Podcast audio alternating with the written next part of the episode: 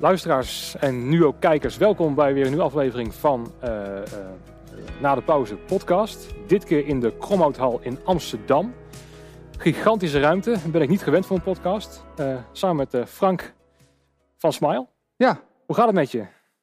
Uh, ik zeg steeds, dat vind ik een ingewikkelde vraag. Ja, nou vertel, wat is er zo ingewikkeld aan deze vraag? Nou, uh, nou eigenlijk is het meer, het gaat goed en dan tussen haakjes naar omstandigheden. Dat is wat je tegen mensen zegt. Hè? Ja, naar omstandigheden redelijk. Redelijk, redelijk ja precies, dat. Uh, dat. Ja. ja, bij ons ook corona natuurlijk. Ja. en wij zitten in de evenementen.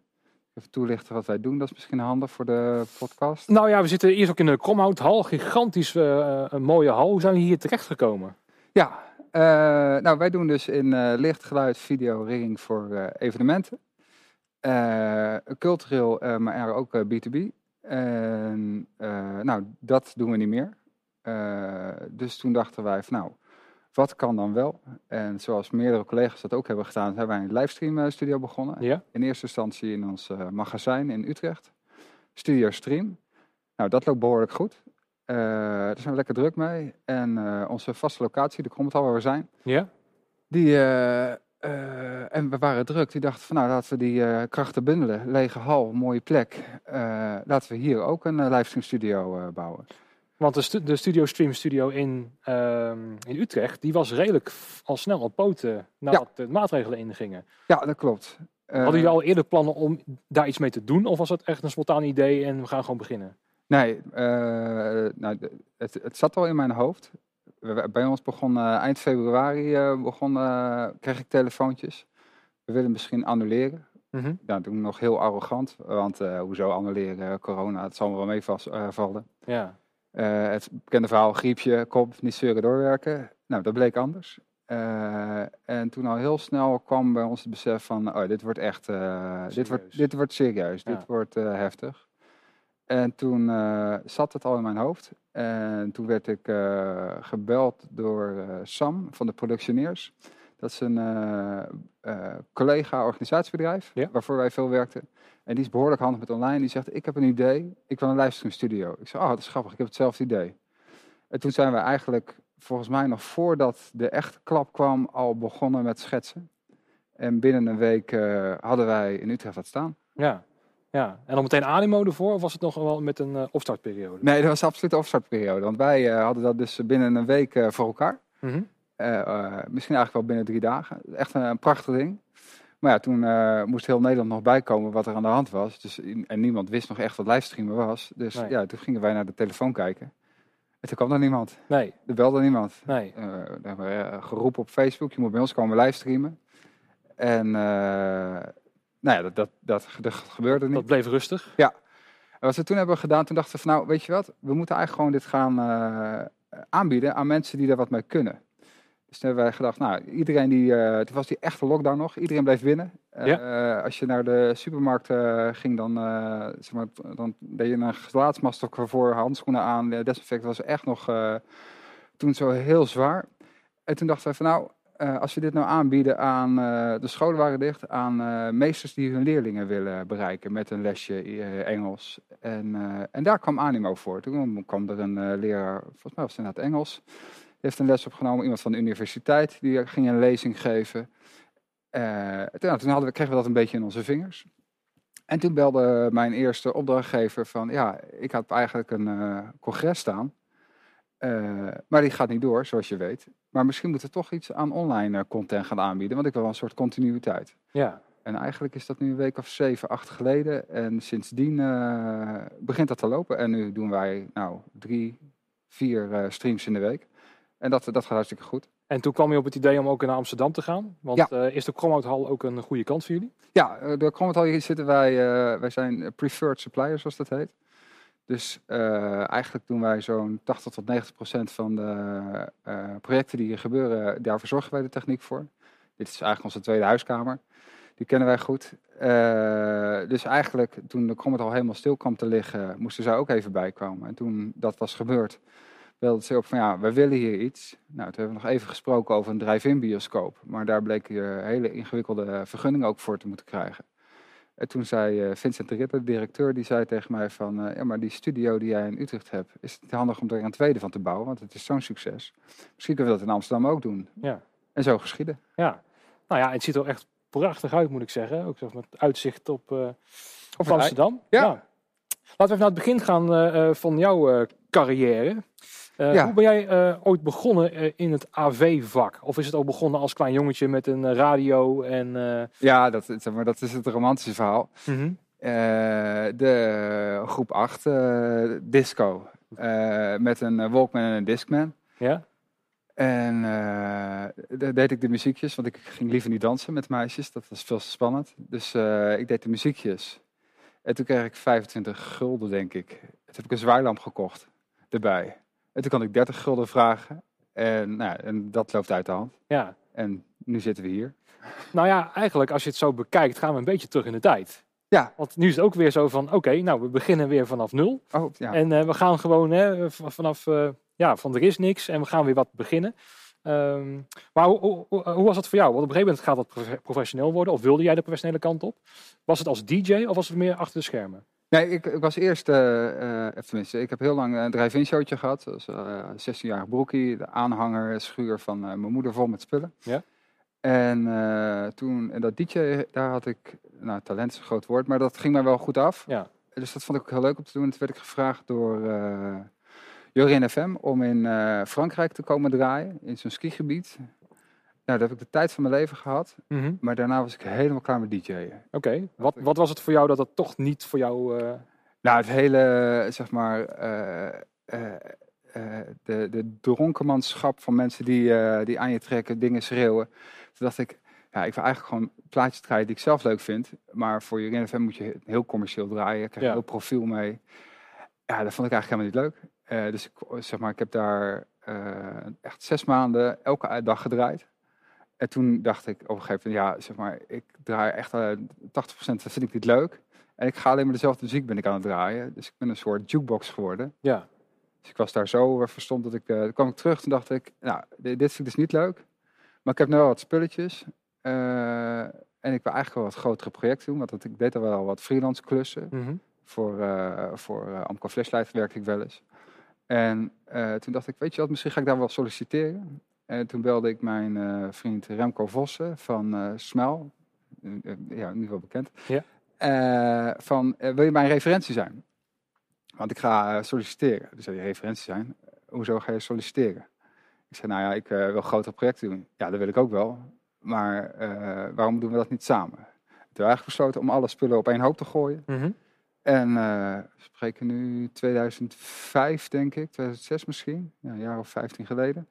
Eh, en zo geschieden. En ook weer, dat was ook weer net voor de crisis. Ja, correct. Hoe ging het toen? Want toen kwam het ook ineens als een klap binnen, denk ik. Ja, Of was het toen dat het wat minder eh, conditie was? Dat je alsnog wel business had, maar dat het gewoon op een lager pitje was? nou, wij, zeg maar, eh, wij deden heel veel, gewoon wat kleinere congresjes. En en wat- nou, nog steeds drive-in shows ook, eh, waar ik een broertje dood van had. Dus Mhm. als ik blij als iemand anders kon draaien, dan deed ik de spulletjes opbrengen. Eh, en, en dat, zeg maar, maar toen stortte die markt in en gingen juist opdrachtgevers op zoek naar wat kleinere bedrijven die dat scherper aan konden bieden. Ja. Dus eigenlijk werden wij ineens veel meer gebeld door voorheen, zeg maar, eigenlijk opdrachtgevers die buiten ons bereik lagen. Die waren ineens nu geïnteresseerd in ons, want wij konden scherp aanbieden. We waren eigenlijk wel leuke gasten en onze spullen waren in orde. En eh, zo, wij hebben er van die crisis we hebben eigenlijk best wel, best wel geprofiteerd. Daar Ja. zijn wij gaan groeien. Ja, precies. Want jij bent niet de, de oprichter van Smile. Hè? Dat Nee. was in 1998, heb ik begrepen. Dat waren eh, Rudy, Remco, Michel en Wouter. Nou, eh, vier disco-jongens. En een hele serie met Renault Expressjes. En die gingen elk weekend uit disco. En als ze te druk hadden, belden ze mij. Daar kwam ik ook helpen. En, en dan kwam er een keer een dansshow, zoals dat gaat. En, eh, of eh, een groot feest in een sporthal. Dan gooien we alle spullen op één hoop. En, eh, en zo pioneerde die. Ja. En toen ik in 2005 waren inmiddels Michel en Wouter eruit gestapt. En die, zijn, die gingen grote mensen dingen doen. ja, precies. En Rudy en Remco bestierden toen nog wel Smel. En die trokken mij daar dus bij. uiteindelijk hebben we ergens besloten om Rudy eh, uit te kopen. Zeg maar, die, eh, die vond het te ingewikkeld eh, om te besturen, maar Mhm. wilde wel heel graag onderdeel blijven. Dus daar hebben dat is eigenlijk nu medewerker van, van de eeuw geworden. Mhm. Dus die is, die is gewoon bij ons in, die- in dienstverband gekomen. Ja, En eh, sindsdien, zeg maar, en sinds die crisis inderdaad, zijn wij sky high gegaan. ja. Is Smile door een aantal transities, transities gegaan, zeg maar, van het 1998? Is de kern van het bedrijf veranderd in wat, wat de werkzaamheden zijn? Ja, absoluut. Wij deden eerst eh, die- drive-in show. Dat was eh, een soort van, eh, nou, ik denk de helft van de inkomsten. En daarnaast wat kleine losse verhuurklusjes en dat soort dingen. En toen werden wij veel gebeld door cateraars. Die dan een grote ketenklus hadden en moest het mooi uitgelicht worden. En daarna kwamen ook de kleinere festivals. Koningsdag in Utrecht stonden we Ledergerf. eh nou, later Neuden, Stadhuisplein, eh, al die pleinen verzorgden wij de techniek. Ja. Dan kom je zo een beetje in, het cult, in de culturele hoek. En daar zijn we nog steeds heel erg actief. Eh, en inmiddels zijn we ook doorgegroeid naar de, meer de zakelijke kant van de, van de AV. Ja. Waar ik jullie wel eens tegen ben gekomen is volgens mij op het Bevrijdingsfestival in Utrecht. Ja. We hebben een eigen tentje. Ja. Ehm, is dat eh, eh, ook iets wat jullie vaker gedaan hebben? Zijn jullie vanaf het begin al daarbij geweest? Nee, dat is ik denk een jaar of vijf, zes geleden dat wij daar voor het eerst waren. Camille de Kruijf was hoofdproducent. Ja. Nou, dat is, eh die komt uit Amersfoort, eh, een stadsgenoot. Ik ben ook Amersfoorter. Oké. Dus zo eh, kwamen wij elkaar wel eens tegen. En op de een of andere manier hadden wij nog nooit samen gewerkt. Die zei, ja, ik, ik heb eigenlijk nog... Amco Flashlight doet alle techniek. Maar ik heb een podium en er moet eigenlijk wat meer liefde en vrolijkheid in. Is dat wat voor jou? Ik zei, ja, dat is juist wat voor ons. Zeg maar, wij hebben niet zulke grote, ruige spullen als, als Amco. Maar die liefde en wat, eh, wat, wat verfijnde techniek, dat kunnen wij hartstikke goed. Ja. Ja. En daar is eh, een liefde geboren, zeg maar. Onderscheiden jullie daar ook in, in, in met andere AV-bedrijven? Eh, qua mindset misschien wel? Hoe Ja. jullie dingen aanpakken? Ja, dat denk ik wel. Ik denk dat er veel bedrijven zijn die, die mooie spullen hebben. Dat hebben wij ook. En, en echt wel hele mooie technische dingen kunnen.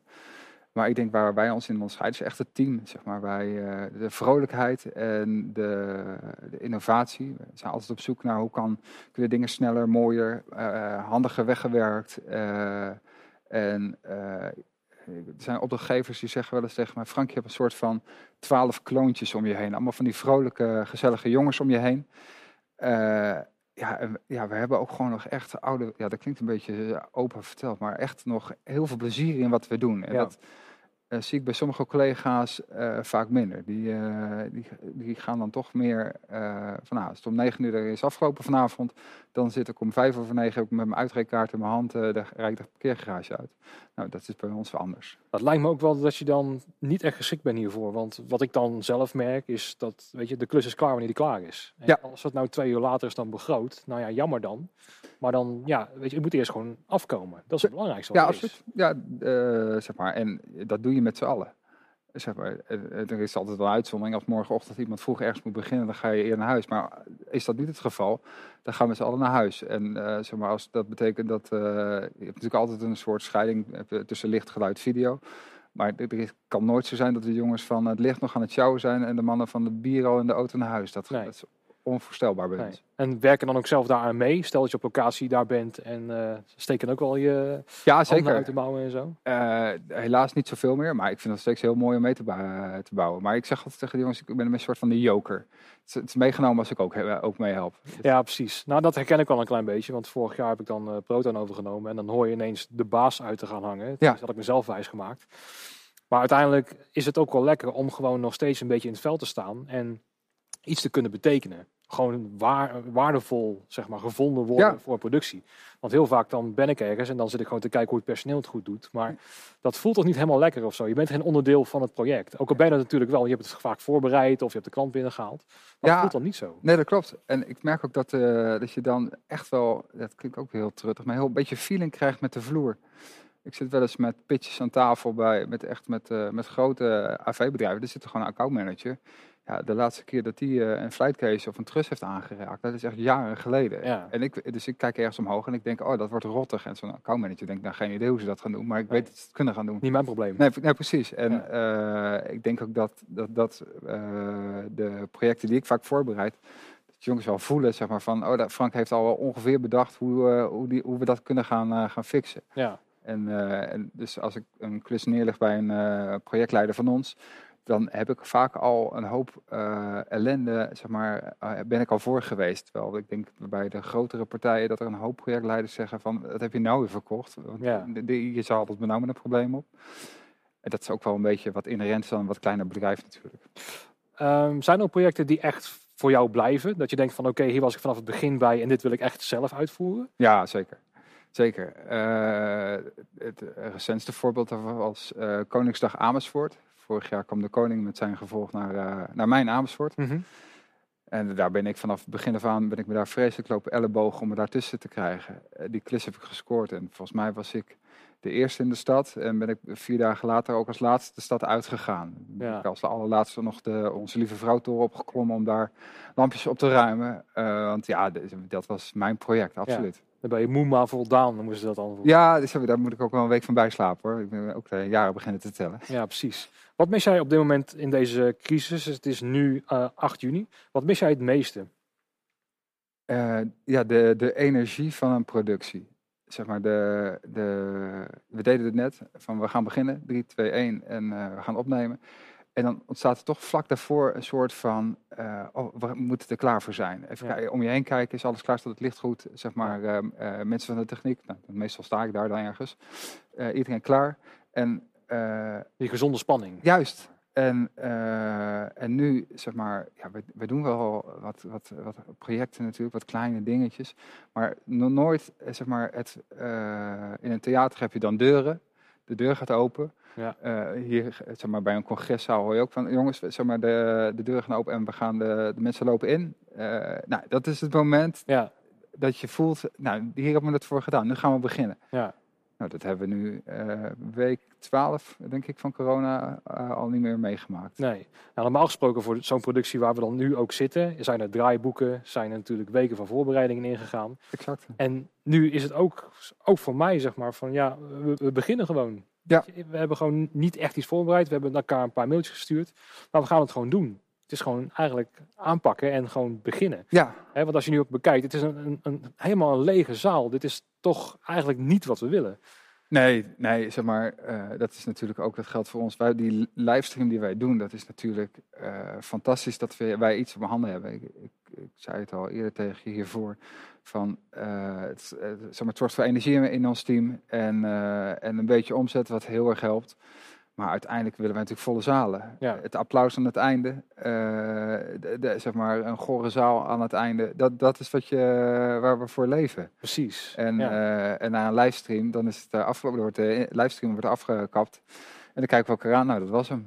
Ja. ja. Ja, De ziel is er een beetje uit. Ja, absoluut. Op die manier, ja. Ja. Zie je ook dat er in de toekomst dan misschien eh, twee paden gaan bestaan binnen Smile? Dat je gewoon het traditioneel had voor, maar voor corona, hè, de, de echte projecten, en dat de livestream blijft bestaan? Of denk je dat het ook weer uitgaat? eh? Nee, ik denk wel dat livestream, eh, dat is natuurlijk een soort van vlucht gekomen, dat dat, eh, dat, dat blijft bestaan. Eh, het zal, ik denk dat wij nu, we hebben het inmiddels ook ons zo eigen gemaakt dat we er ook echt wel eh, gewoon hele mooie producties van kunnen maken. Dus ik denk dat dat gewoon een nieuwe markt is die wij nu aanboren.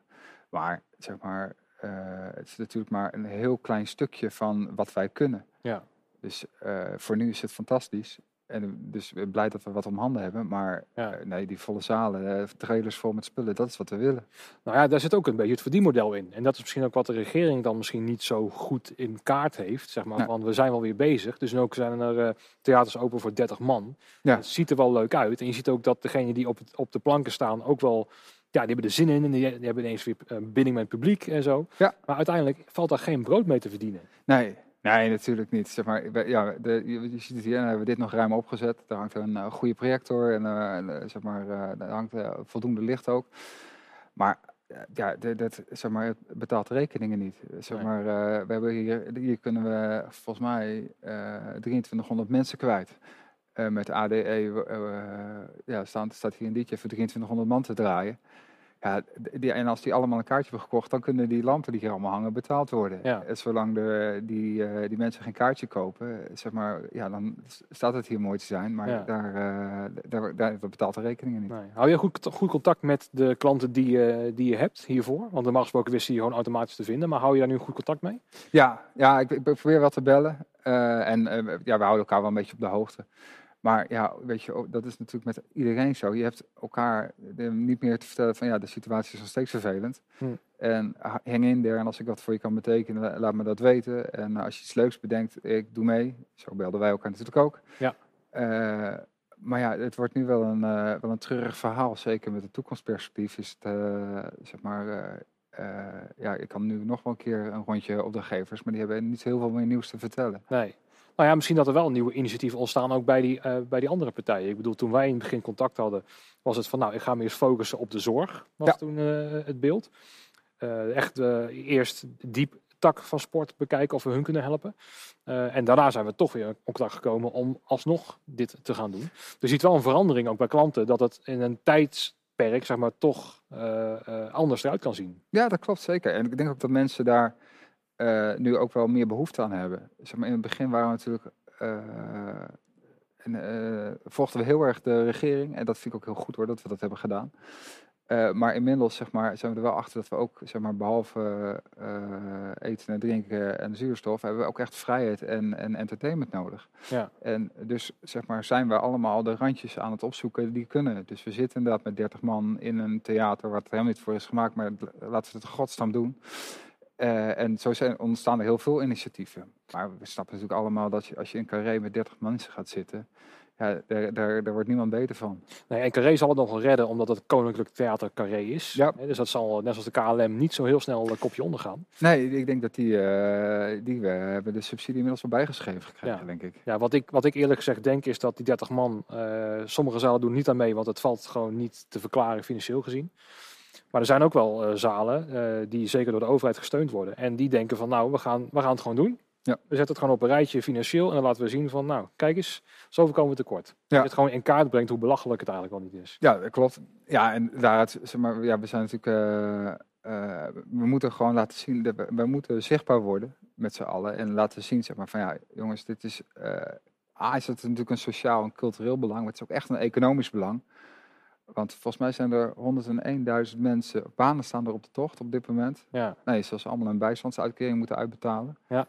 Eh, dus dat is echt een economisch belang. En eh, ja, door te laten zien dat je dus, nou laten we niet Carré als voorbeeld geven, maar een ander theater, eh, die niet gesubsidieerd wordt, de deuren open doet voor 30 man en laat zien, nou dit heeft ons eigenlijk geld gekost. Kun je natuurlijk wel laten zien in Den Haag van, nou, jongens, wij moeten echt hulp krijgen, ja. Want onze sector staat te wiebelen. Denk je dat de regering pas het gaat zien als het te laat is? Ik heb de indruk dat, eh, eh, dat het inmiddels wel helder wordt. Mijn eh compagnon Remco, mijn partner in crime, die is inmiddels de branchever- een branchevereniging gestart met een aantal andere betrokken collega's. De VTTE, de Vereniging Toelever Technische Toeleveranciers voor Evenementen. Mhm. En waar Proton volgens mij ook. eh, ja, we zijn ook onderdeel geworden. Ja, heel goed. Eh, volgens mij, ik sprak Remco vanmiddag, zitten we nu tegen de 300 leden. Dat is waanzinnig natuurlijk voor een branchevereniging die drie, twee weken geleden ingeschreven is bij de, bij de notaris. En drie weken staat. Het is ongelooflijk dat je zoveel eh, mensen bij elkaar zo snel gemobiliseerd krijgt. Nou, dat geeft wel aan zeg maar, dat, dat de nood heel hoog is Ja. voor een geluid naar Den Haag. En eh, zeg maar, eh, ja, om het maar eh, gewoon zo eh recht te zeggen, gewoon een grote zak geld. Ja, want je merkt wel dat wij als zijnde branche, evenementenbranche, die is natuurlijk heel breed, hè? Ja. Eh, dat daar eigenlijk geen stem voor was in Den Haag. En dat het nu nodig is, maar eigenlijk is het bij ons altijd zo geweest van, wij redden ons wel. Ja. Maar we weten altijd wel zelf het op te lossen. Dat is ook een beetje onze mentaliteit misschien Absoluut. wel om hier te overleven.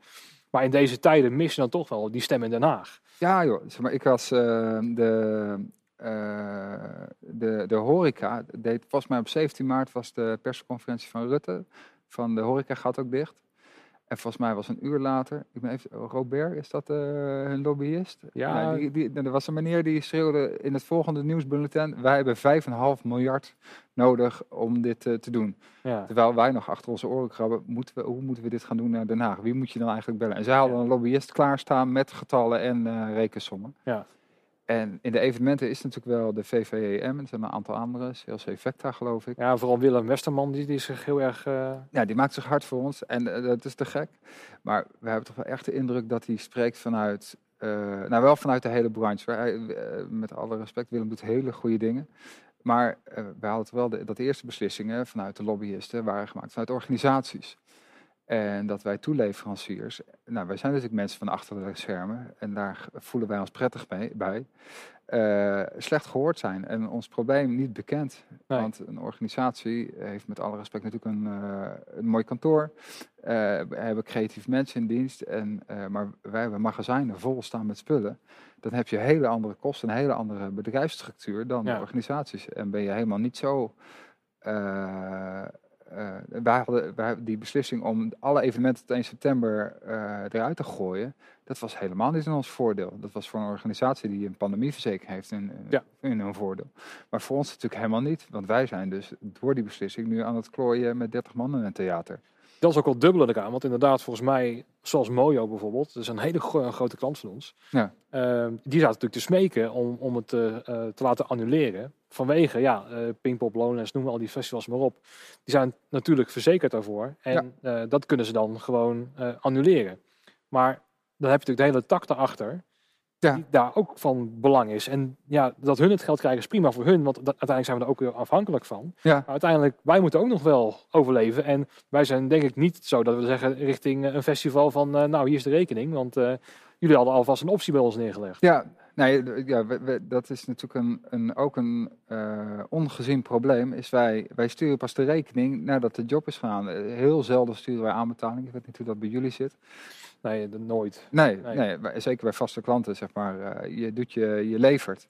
En uh, maandag daarna, uh, zeg maar, tel je of alles keurig netjes terug is, dan Ja. gaat de factuur op de bus. Ja, en vaak ook contracten, die heb je vaak niet gemaakt. Want Nee. het is gewoon een beetje oude jongens Gentenbrood. We kennen elkaar toch. En eh, Ja, ja, en zo zie je dat, zeg maar, dat rock'n'roll, die eigenschappen die we hebben, waar, ik- waar ik ook echt wel, dat vind ik mooi, maar dat is nu echt wel in ons nadeel. absoluut. Want als ik naar een bank ga, zo van ja, oké, welke klanten heb je dan? En eh, laat je contracten maar zien. Je, je hebt niks. Nee, En eh, dat zet er mij ook aan het denken van ja, voor elke telefoon die je afsluit, moet je een contract tekenen. Als je Facebook op wil, moet je een contract tekenen. Ja. Hè? Dan moet je I agree, eigenlijk moet je alle 60 pagina's lezen. Ja. Maar zelfs voor de kleinste dingen, daar moet je contracten voor tekenen. Maar de toko die wij hebben, zeg maar, dat is zo van, eh, nee joh, wat heb je nodig? We komen met een busje. Ja. En eh, ja, en nou, die factuur werd natuurlijk altijd betaald, dus, dus dat ging goed. Ja.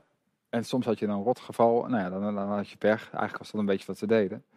Maar dat klopt. Ja, zeg maar, eh, ik heb, onze accountant vroeg wel eens, nou, wat heb je staan voor het volgende jaar? Ja, niks. ja, bedoel je niks? ongeveer hetzelfde als vorig jaar. Ja, waarschijnlijk bellen ze wel weer, maar ik, nu nog niks. Heb je nog niks in je agenda staan? Ja, twee of drie keer opties, denk ik. Nou, die, die vergeet er niks van. Hoezo, je hebt toch een portefeuille voor ons? Ja, ik weet wel ongeveer wat er gaat gebeuren, maar Ja. er is nog niemand die echt gebeld heeft. Nee, een beetje meer, een beetje minder, dat, dat, dat zien we dan Ja. weer. Ja. Ja, en dat heeft ons natuurlijk, eh, ja, daar, daar prullen we nu juist niet de vruchten van. Nee. Ga je ook wel dingen in veranderen voor de toekomst? Zijn het ook al eh, leerprocessen die je nu meemaakt? Nou, ik moet zeggen, ik denk dat ik wel beter ga nadenken over aanbetalingen en, eh, en dat soort zaken. Eh, maar in principe, weet je, het is ook wel de charme van onze, van onze, eh, onze tak van sport. Ja. En het gebeurde ook gewoon heel regelmatig. Nou, bijna, het is eerder uitzondering, uitzondering eh, dat het niet gebeurt. Dat, dat je nog een dag van tevoren wordt gebeld. kan je ook nog even dit en dit achterom? Als ik daar nog een, een offerte en een opdrachtbevestiging en een handtekening onder moet krijgen. Ja. Dat, dat werkt gewoon niet. Het zijn ook heel vaak last minute dingen. Die van, Ah, ja. neem het even mee of zo. Of, hè? Ja, dat. Of kan je ons uit de brand helpen? We hebben dit weekend dat. Ja, tuurlijk, zeg maar. eh, en dan wordt er zelfs eh, naar de hand wordt er pas over, over geld gepraat. Precies. Neem het eerst maar mee. Kijk wat je gebruikt. Ja. En dat vertelt de klant ook vaak wel eerlijk van, nou dat heb ik wel gebruikt, dat heb ik niet gebruikt. Ja. Dat zit op de bon. En dan wordt pas over misschien tussen 30 en 60 dagen betaald. Ja, en, en nou, dat is ons bedrijfsmodel. En dat, nou ja, dat heeft dus 15 uitstekend gewerkt. Ja. Tot er een pandemie komt. Ja, Dan precies. sta je met lege handen. Ehm, Ga je er ook zelf wat meer in eh, bemoeien met eh, waar je collega Remco mee bezig is? Nee, dat is echt wel. eh, Remco en ik hebben wel even de verantwoordelijkheden verdeeld. Remco is echt de, de cijferman bij ons. Ik ben meer de, de evenementenman, de, de uitvoerman. Ja. Eh, en Remco zit daar zo goed in. Eh, ik, ik ben soms wat ruggespraak voor hem. Maar voor de rest eh, is dit echt zijn pakje aan. En eh, Ja. zeg maar, dat doet hij, hij doet het waanzinnig goed. Dus, dat, dat opzicht vullen jullie elkaar gewoon perfect aan in feite. ja, absoluut. Ja, zeg maar, Remco is ook hele verschillende mensen, maar heel complementair aan elkaar. Dat werkt. Ja, Ik kan me, Remco en ik doen denk- denk ik nu een jaar of 15 samen de zaak. En ik denk dat hij één keer op een verjaardag van mij is geweest en hij is één keer op mijn verjaardag geweest. ja, En dat was meer uit fatsoen. ja. Ja. En dat is, dat is echt oké. Dat is heel erg oké zelfs. Nou ja, kijk, ik kijk dan eh, heel vaak naar bijvoorbeeld Voetbal eh, Insight of Veronica Insight, Ja. hoe het nu heet. En dan heb je ook drie karakters die totaal van elkaar verschillen. Maar als ze bij elkaar komen, dan werkt het wel. Ja, Is het een beetje daarmee te, mee te vergelijken? Ja, nou, we, we hebben gewoon hetzelfde eh, doel en hetzelfde mentaliteit. Ik denk dat wij wel redelijk sociale ondernemers zijn. Ik zorg graag goed voor mijn team. Ik hoop dat ze dat beamen. En eh, dat heeft Remco ook. Eh, we zijn... eh, zo- we, gooien niet met geld. Het geld moet eerst verdiend worden voordat we investeren. We hebben geen grote leasecontracten. Dat is nu wel een groot voordeel. Dus, dus die gemeenschappelijke delen hebben we. En dat we daarnaast hele andere mensen zijn. Dus ik, trek ook, ik spreek ook hele andere opdrachtgevers dan Remco. Dat, dat werkt hartstikke goed. Ja. Ja, dus in dat opzicht lijken we daar misschien wel op. Dan denk ik dat ik liever René van der Gijp ben dan Johan Derks, als ik dan mag kiezen. Oké, of Jan Boskamp misschien. Ja, ja, ja, dat ook nog? Ja, dat kan ook. Of sla je wat minder? Nou ja, ik ben wel van Feyenoord. Oké, eh, nou ja, dat kan je weer dan eh, meegenomen. Ehm, wil je elkaar wat beter kennen door de crisistijd? Dat je meer met elkaar moet overleggen van hoe gaan we dit aanpakken? Nou, ik, nee, na 15 jaar ken je elkaar zo door en door. Ik, ik weet wel een beetje hoe Remco in de wedstrijd zit. Het is wel zo dat je elkaar wat meer opzoekt. Je, dat is natuurlijk, de, dat zal je wel herkennen, je stemming gaat echt op en neer. Normaal Ja. gesproken ben ik wel vrij stabiel. Weet ik ook wel een beetje hoe mijn week eruit gaat zien. En eh, waar ik extra op moet letten, waar niet. En nu is echt elke dag een soort verrassing, wat komt er over je heen. Ja. En ehm, eh, dus je emoties vliegen heen en weer. Dan komt er weer naar nieuws op de NOS. En maar dan vervolgens word ik twee keer gebeld over een livestream. Dus, de- dus dan heb je elkaar soms even nodig van, zeg maar, even koppen bij elkaar. Hoe staan we ervoor? Wat, Ja. wat heb jij eh, gezien, gehoord vandaag? En wat heb jij ik gezien en gehoord? Nou, ik denk dat, dat, dat die eh, verschillen er vroeger ook al waren in stemmingen van week tot week. Maar dat je een adre- adrenaline kick erbij had, zeg maar. Want je natuurlijk ook wel moeilijke beslissingen te nemen van oké, gaan we dat wel aanschaffen, die ene mengtafel, ik zeg maar Ja. wat, en eh, niet. Maar eh, dan heb je ook die wisselingen van, oh jezus, moet ik weer gaan investeren. Ja. Zeg maar. maar dat is dan in een positievere zin, want dan kan je misschien een klant binnenhalen, waardoor die druk erop zit. En het is een hele andere, eh, ander gevoel wat je dan hebt. En nu is het zo van, ja, elke beslissing die ik neem, ik verdien er geld mee. Ja, ja, ja dat klopt. Ja, er, er hangt een soort van eh, grijze mist, zeg maar, constant om, om ons bedrijf heen. En Rutte zei dat ook zo mooi, hè? stuur in de mist. Dat is eigenlijk al wat wij nu maanden aan het doen zijn. Ja. Ja, en daar word je misschien ook wat eh, onstabieler van, dat klopt wel. Ja. Ehm, zijn er ook al eh, beslissingen genomen om bijvoorbeeld eh, voorraad te verkopen of zo, of dat soort zaken? Of is, heeft dat allemaal geen zin? Nou, nee, ik denk dat de inventaris van ons inmiddels heel veel minder waard is. Dus ik zeg maar, en bovendien, als we straks hier mogen, is dat natuurlijk, zeg maar, zo- is dat waar we het mee nodig. moeten gaan doen. Ja. Dus, dus nee, dat is echt het allerlaatste waar wij aan denken. Dat is ook het probleem denk ik van bedrijven die dan nu failliet zullen gaan. Hè? ehm, want het gaat denk ik wel gebeuren de komende tijd. Ja, Dan heb je een, verschrik- een verschrikkelijk mooie apparatuur en line race. Ja. Maar degenen die het willen kopen, die hebben ook geen geld. Nee, Dus het is nee ik, ik- eigenlijk waardeloos geworden. ja, dat is, ja, ja je, je hebt, we hebben natuurlijk een soort niche in de hele wereld aan apparatuur met prachtige spullen en echt ook onwijs kostbare spullen. Ja. Eh, maar ja, er is gewoon geen markt voor. Er, is er is geen werk voor, dus wil niemand het eigenlijk ook, ook nu kopen. Denk je dat we iets meer naar back to basic gaan? Hè? Want je hebt dus het meegemaakt eh, vanaf de grond heb je het dan opgebouwd. Eh, dat je bijvoorbeeld ook kan zeggen van nou, je krijgt dit en, en that's it. Nou, ik, ik hoop wel dat er een soort van realiteitszin komt. Want ik moet wel eerlijk zeggen, we hebben er ook van geprofiteerd hoor. Maar de sky was the limit. Ja. En het is op zich, eh, ja, ik heb, wij hebben congressen gedaan. Er werd er een spreker uit Azië ingevlogen voor 20 minuten eh, zijn verhaal. En die sliep hier in het Amstelhotel en vloog de volgende dag weer terug naar Azië. Dan denk Ja. ik, ja jongens, dat, dat is natuurlijk daar gaat nergens over. Nee, Zo- daar wordt ook geld mee verdiend. En dat wil je niet weten. Nee, precies. En, en zeg maar, dat heeft natuurlijk ook een, eh, een behoorlijke CO2-voetafdruk. Ja. Waar we ook met z'n allen echt over na moeten gaan denken. Ja. Nou ja, want dat is natuurlijk bij ons ook zo. Wij zitten iets meer in de, eh, in de festivals. Ja. Dus wij eh, zitten vooral ja, instrumenten, dus beentjes en zo. En wat ik daar zag, was vooral dat de headliners eh, op grote festivals binnenkwamen met de 20 plus trucks. Ja. Met ook, eh er hing een prachtige set in, hè, met licht, geluid, video, alles. Maar nee, hun namen hun eigen geluid, video en eh, audio mee. Want ja, dat was toch afgestemd voor hun show. Ja, Dat betekent ook weer dat er, nou ja, ik weet niet hoeveel aan CO2 wordt uitgestoten door die trucks die erheen komen. Die moeten door Europa gaan toeren. Eh, er worden gages betaald van over de 2 miljoen om een, eh, een, een hoofdact binnen te krijgen. ja. Ehm, dus ik zie ook wel zo van, ja, het is ook misschien wel goed dat dat eventjes weer terugkomt van, nou weet je wat, er hangt een hele mooie set. En je doet er gewoon mee. Ja, ja, ja een soort normaliseringsslag. Dat zou, dat zou heel gezond zijn voor onze branche. Ik Ja. snap ook wel dat, eh, eh, dat, dat dat straks eisen gaan zijn eh, voor een eventuele regeling voor onze branche. Dat wij echt wel even met z'n allen na gaan denken.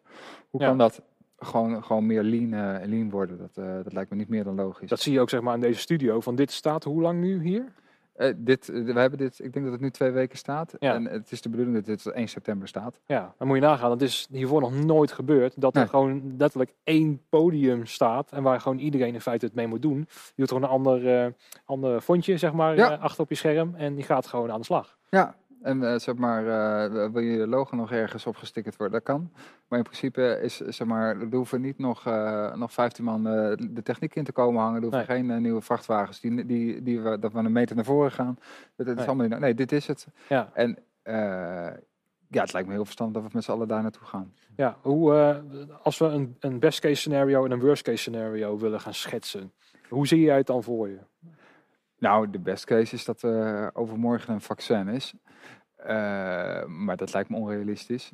Eh, eh, in, een, mooie wereld, zeg maar, eh, hebben wij 31 december nog ons hele team bij elkaar. Dat vind ik eigenlijk het allerbelangrijkste. Eh, het magazijn nog eh, en gaan mijn opdrachtgevers eh, weer bellen. Eh, met we hebben weer echte, we mogen weer gewoon met echte mensen naar een, naar een, concert, of naar een concert of naar een congres toe komen. Ja, maar een worst case zou, zeggen, zou zijn dat we volgende zomer nog steeds in een soortgelijke situatie zitten. Ja. Eh, ik denk dat het ergens in het midden zit. Ja, ik hoor dus ook als ik collega's spreek hele verschillende verhalen. Ik ben vrij positief ingestemd. Eh, ik denk dat we ook zonder eh, vaccin best wel op, op gang kunnen komen. Want ja, voor andere ziekten zijn ook geen vaccins en hebben we ook gewoon doorgegaan met, met wat we deden. Maar sommigen zeggen van ja, volgend jaar dan zal gewoon de helft van de festivals bijvoorbeeld zullen verdwijnen. Ja. De helft van de corporate events zullen ook verdwijnen, omdat bedrijven niet meer aandurven om in één ruimte dat de hele eh, eh, bedrijfstak besmet wordt. Exact, Zeg ja. maar. Zie je dat ook al eh, gebeuren, dat dan klanten wat voorzichtiger zijn? Ja, zeker. Dus ik heb wat aanvragen voor twee- eh, 2021. En dat, dat is, dan de eerste vraag is, zeg maar, we willen een soort van pandemie-clausule. En daarnaast zeg maar van we gaan met een kleine, in ieder geval met een klein gezelschap gaan we dit project opstarten. Ja, Eh, dus dat betekent dat, je, dat, je, dat ze altijd een klein eh, deel van hun, eh, inderdaad van een bedrijf of van mensen, zeg maar, niet bedienen in de zaal, maar dan online. Ja. Dus dan krijg je die hybride evenementen waar we het veel over hebben. ja, Nou, het zit wat mij betreft een hoop ha- ha- haken en ogen aan. Ik zie er Ja. ook wel voordelen van. Maar ja, ik, ik hoorde inderdaad vandaag toevallig ook dat, dat we heel ver zijn met een medicijn. Dat zou natuurlijk ook fantastisch zijn. Ja. Dus, eh, een vaccin is het allermooiste, maar een medicijn dat het behandelbaar is, lijkt mij ook al een goede stap de goede kant op. Ja. Nou, als dat er komt, dan moeten we toch heel snel zeg maar, gewoon zorgen dat die zalen weer gewoon niet op anderhalve meter, maar gewoon helemaal vol kunnen. ja. Ehm, ik ben wel benieuwd wat er gaat gebeuren als zometeen het reizen in een vliegtuig wel mag. Want dat schijnt te gaan gebeuren op 15 eh, juni. Ja. Dat je met eh, tussen de 300 en 500 mensen in een vliegtuig gaat zitten naast elkaar. Gewoon zo, mondkapje op. En eh, tijdens het eten mag hij zelfs af. Dus Ja. je gaat tegelijkertijd eten, dan gaat hij af. Ehm, als dat gaat gebeuren, gaat er dan misschien ook een beweging komen in de evenementenbranche zo van ja maar hallo, als dat mag, dan gaan we gewoon, of het nou wel of niet mag, gaan we gewoon dingen organiseren. Ja, ik weet niet of wij met z'n allen zo eh, baldadig gaan zijn, maar ik denk wel dat we met z'n allen een stuk mondiger worden. Kijk, dat zag je natuurlijk al met, eh, met de demonstraties die, die er zijn. Nou, ik wil daar me niet helemaal in mengen, maar eh, de, zeg maar, de, de, er kwam wel iets te, het bracht wel iets teweeg van eh, wat gebeurt hier nou? Ja. En, de, zeg maar, en dat was dan eh, vanuit een eh, organisatie die niet liep zoals men had verwacht dat die zou lopen. Ja. Maar nu besluit dus het OMT dat vliegen wel kan en dat daar andere regels voor gelden. Ja, Nou, dat is natuurlijk heel slecht voor ons allemaal te rijmen. En eh, ja, we worden daar wel mondiger van. En ja, laten we het een, eh, ik ben heel benieuwd. eh, nou, dat we het een experiment noemen, wat eruit gaat komen. Ja. Nou ja, ik, eh, ik had, was, eh, met de tweede podcast was ik in gesprek met Erik Mans. En die was een van de eerste krakers binnen Tivoli op de Ja. Oude Gracht. En die zei ook van ja, het mocht niet. Maar we gingen het gewoon doen. En eh, niemand wist precies wat we aan het doen waren. Dus nou, we gingen, maar we wisten wel om acht uur gaan we beginnen. Dus ze zaten flyers uit te delen. Dus de politie wist ook wel dat hun daar zouden zijn. Ja, Het was een beetje een kat-en-muisspel. En ze keken wel hoe dat, hoe dat zich eh, ging, eh, ging, ging ja, hoe dat zich ging vormen. ja, En dat dacht ik ook zo van, ja, dat kan misschien nu ook wel weer gaan gebeuren. Dat je denkt van, nou ja, we, we kunnen wel dingen niet mogen, maar ik denk dat er toch een aantal bewegingen gaan komen. En dat het, dat het misschien ook wel veilig blijkt te zijn, zeker in de buitenlucht, wat we nu Ja. eh, eh, meemaken. En dat we ineens erachter komen van, oh, het kan best wel. Misschien kunnen we het beter reguleren. ja nou, dat is denk ik de kapstok waar het aan opgehangen wordt. Ja. als, het, als het veilig kan, dus als er straks na- eh, naar de demonstraties of in de vliegtuigen blijkt dat er geen nieuwe golf komt, Ja, ja, dan heb je een soort van stok om mee te slaan. Dan zeg maar, is er een soort kapstok waar je aan kan ophangen. Van, nou, ja, Eh, dan worden we misschien inderdaad wel wat rebelser. Maar ik denk, tenminste, zo sta ik er zelf in, zolang we niet zeker weten dat wij de volksgezondheid in gevaar brengen, nee. ja, dan ga ik in ieder geval nog geen, eh, geen grote festiviteiten eh, faciliteren. Nou, wat het ook is in deze evenementenbranche, denk ik, is dat wij, wij alleen maar goed faciliteren naar de mogelijkheden. Dus de klant is koning. En Ja. nu is in feite wat de overheid ons zegt, dat is, ja, de klant is overdreven. Maar zo van, oké, dit zijn de regels, hier Ja. moeten we aan doen. En dat doen we dan ook. En dan zien we dat ineens eh, hun dat niet doen. En is van, hé, hey, maar eh, dat, dat, eh, dat, dat mag dan wel, hè, zo'n demonstratie. Ja. Ehm, en wat ik dan zie uit die krakerstijd van Tivoli, is dat er toch ook een beweging was. Zo van, nee, we gaan gewoon dit neerzetten, ook al mag het niet. We gaan het gewoon doen. En daar is uiteindelijk wel poppodium Tivoli uit ontstaan. Ja, Zeg maar. Dus uit iets wat niet mag, is iets legaals gekomen. Wat nu uiteindelijk Tivoli Vredenburg is. En een van de grootste tenten van Nederland. Dus ja, uit iets, uit een ja, soort van guerrilla-beweging. eh, kan er juist iets moois ontstaan. Ja. Zeg maar. Omdat je tegen de regels zit aan te schuren. En de mensen die daarmee bezig zijn, weten ook wel wat, wat wel en niet kan. Want er is natuurlijk geen één festival op dit moment die in haard wil zijn van een coronabesmetting. Dus ik denk dat elk festivalorganisator best wel gaat nadenken van ja. Eh, eh, ik ga mezelf wel een beetje aan de regels houden, want ik wil niet, dat niet zijn, die superspreader. Nee, precies. Nou, dat, dat, volgens mij is dat inderdaad dus de, de, de, het, het ding waar het om hangt. Maar ik heb ook al uh, zeg maar binnenskamers gehoord dat er festivalorganisaties zijn die aan het onderzoeken zijn van nou, we kunnen misschien wel een festivalcamping organiseren. Want dat, zeg maar, daar heb je geen vergunning voor nodig. Nou, als we daar dan een leuk uh, muziektentje neerzetten, we zetten wat foodtrucks eromheen en we gaan daar binnen de mogelijkheden en kaders die een camping heeft gekregen, Ja. zeg maar, arrangementen aanbieden. Ja, Nou, dan, zeg maar, dan ontstaat er natuurlijk wel iets binnen de kaders, of mazes, net een beetje bekijkt, zeg maar, van, uh, die wij opgelegd krijgen. ja, Maar je moet natuurlijk nog, ik, wat mij betreft staat die volksgezondheid nog steeds wel op één hoor. Dat is natuurlijk wel het allerbelangrijkste. Want dat stempel wil je, wil natuurlijk nooit de organisatie zijn of de technische toeleverancier die daarbij betrokken was, ja, die dat heeft gefaciliteerd van, van een nieuwe, nieuwe golf. nee. Als dat, uh, als je zeker weet dat dat kan, dan, ja, dan moet je, moeten we daar zeker tegenaan gaan schuren. Daar ben ik helemaal met je eens. Nou ja, in augustus is normaal gesproken Lowlands. Ja. En dat is eigenlijk al een campingterrein. Ja, Dus dat zou in feite wel uh, van, uh, nou, alleen de Lowlands camping gaat open. nou, En, ik eh, denk dat hij volgeboekt wordt. Ja, nou ja, je kan ook gewoon zeggen van degene die al een kaartje hebben, zeg maar. Die Ja. gaat gelden voor dit jaar en voor volgend jaar. Ja. Dus ze kom maar langs. En dan wordt misschien ook, het- dat wordt misschien het grootste eh, eh, eh, experiment in Nederland. Van nou ja, 5000 mensen in een eigen tentje. En eh, misschien gaan we weer gewoon ook weer back to basic. En gewoon kijken hoe dat gaat. Ja.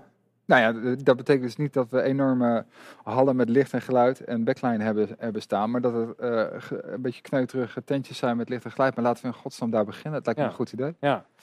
Ehm, ik, ga, ik ga hem afsluiten. Eh, de laatste vraag die ik meestal stel is: eh, als je één ding zou willen laten verdwijnen samen met corona in de evenementenbranche, wat zou dan mee mogen? Wat zou je absoluut willen laten verdwijnen? Nou, ik heb dan uh, niet heel erg dat ik één ding wil, maar ik zou wel heel graag willen dat het allemaal een beetje groener wordt. Zeg maar, wij zijn natuurlijk als branche, uh, ja, als je echt duurzaam bent, organiseer je geen evenement. Want het is natuurlijk, we sjouwen allemaal spullen naar één plek en, en volgende week weer ergens anders naartoe. Maar ik denk wel dat we met z'n allen een stuk beter kunnen nadenken hoe dat beter kan voor het klimaat. Want daar hebben we echt nog wel een hoop te willen. Ja. Ja, want dat gaat wel een uitdaging worden. Want dan zou je bijvoorbeeld ook je, uh, je wagenpark moeten aanpassen. Ja, nou ja, prima. Daar sta ik zeker voor open. Daar wil ik echt over nadenken. Ik bedoel, eh, de afgelopen vijf jaar zeg maar, is bijna al mijn verlichting is naar LED gegaan. Het zijn kleine stapjes, maar laten we met z'n allen daar nu een soort van uh, een motor, een katalysator voor zijn. Ja. Om dat de komende jaren aan te gaan jagen. En, uh, zeg maar, en een band voor één optreden laten komen uit Amerika hier naartoe. Ja, dat moeten we misschien maar niet meer willen. Nee. Dat kan echt anders. Ja, we krijgen dan niet wat de hele saaie, saaie festivals met alleen maar Guus Meeuwis en, uh, en Rowe Hezen? Nou ja, misschien dat, je, uh, dat uh, Guus Meeuwis en Rowe Hezen dan, dan een jaar in Amerika kunnen gaan toeren. En dat we dan ruilen. Ja, exchange students zeg maar, maar dan voor bands. Ja. ja. Lijkt me een goed idee. Op zich. Ja, dat is de eerste keer dat ik dat hoor. Ja. ja. Ik ga hem afsluiten. Uh, nou ja, dank voor je tijd. Dank dat we in deze studio hebben mogen zijn. Ja, heel graag gedaan. En ja, voor de kijkers, luisteraars, uh, bedankt voor het luisteren. Uh, en tot aan de pauze. Tot de volgende keer.